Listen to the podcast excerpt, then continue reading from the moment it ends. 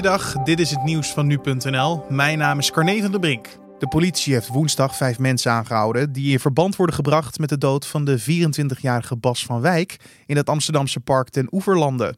De man kwam op 8 augustus op klaarlichte dag om het leven op een strand toen hij volgens omstanders ingreep bij de diefstal van een horloge. Twee verdachten, mannen van 26 en 20 uit Amsterdam, zijn aangehouden in Zandvoort. In Amsterdam zijn op diverse locaties ook drie mannen aangehouden van 20, 19 en 18 jaar. De verdachten zijn na aanhouding overgebracht naar een politiebureau. De politie wil verder geen bijzonderheden geven over wie de mannen zijn en waar ze precies van worden verdacht. De mobiele eenheid van de politie is in de nacht van woensdag op donderdag uitgerukt in de Schilderswijk in Den Haag.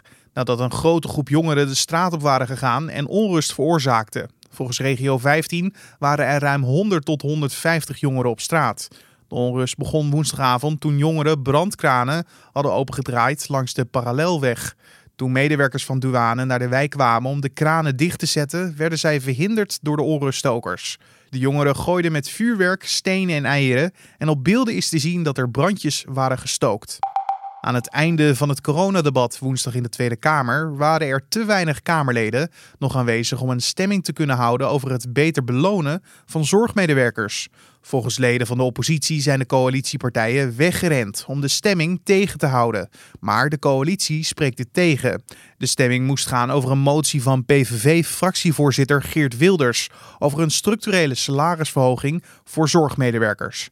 Diederik Gommers, de voorzitter van de Nederlandse Vereniging voor Intensive Care en lid van het Outbreak Management Team, reageerde geëmotioneerd in het televisieprogramma op 1 over deze kwestie. Je verwacht alles van die verpleegkundigen dat ze weer moeten leveren. En iedere keer gebeurt dit. vorige keer is er drie keer gestemd over een salarisverhoging. En het kan zijn dat we geen geld hebben. Dat, dat kan ook. Maar laten we dan. Maar zeg dat dan? Ja, zeg dat dan. Maar dan kunnen wij ook niet de zorg leveren. Verwacht van ons geen uh, geweldige dingen en, en heldendaden. Als, als, als, als we er hier, oh, hier niet over kunnen praten. Emotioneert u, hè? Ja, het, ik, ik, kan er echt kwaad op worden. Ja. Paris Saint-Germain heeft woensdag dankzij twee treffers vlak voor tijd de halve eindstrijd van de Champions League bereikt. De ploeg stond in de 90ste minuut nog met 1-0 achter tegen Atalanta, maar wist die achterstand alsnog om te draaien naar 1-2 in de blessuretijd. Atalanta met de Nederlandse Martin de Roon en Hans Hatenboer in de basis zag daardoor een stunt in rook opgaan. De nummer 3 van de Serie A kwam in Europees verband nooit verder dan de halve eindstrijd van de Europa Cup 2. Dat gebeurde in 1988.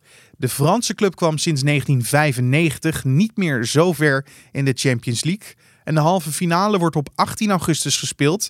En de tegenstander van Paris Saint-Germain komt uit de wedstrijd van vandaag tussen RB Leipzig en Atletico Madrid. En tot zover de nieuwsupdate van nu.nl.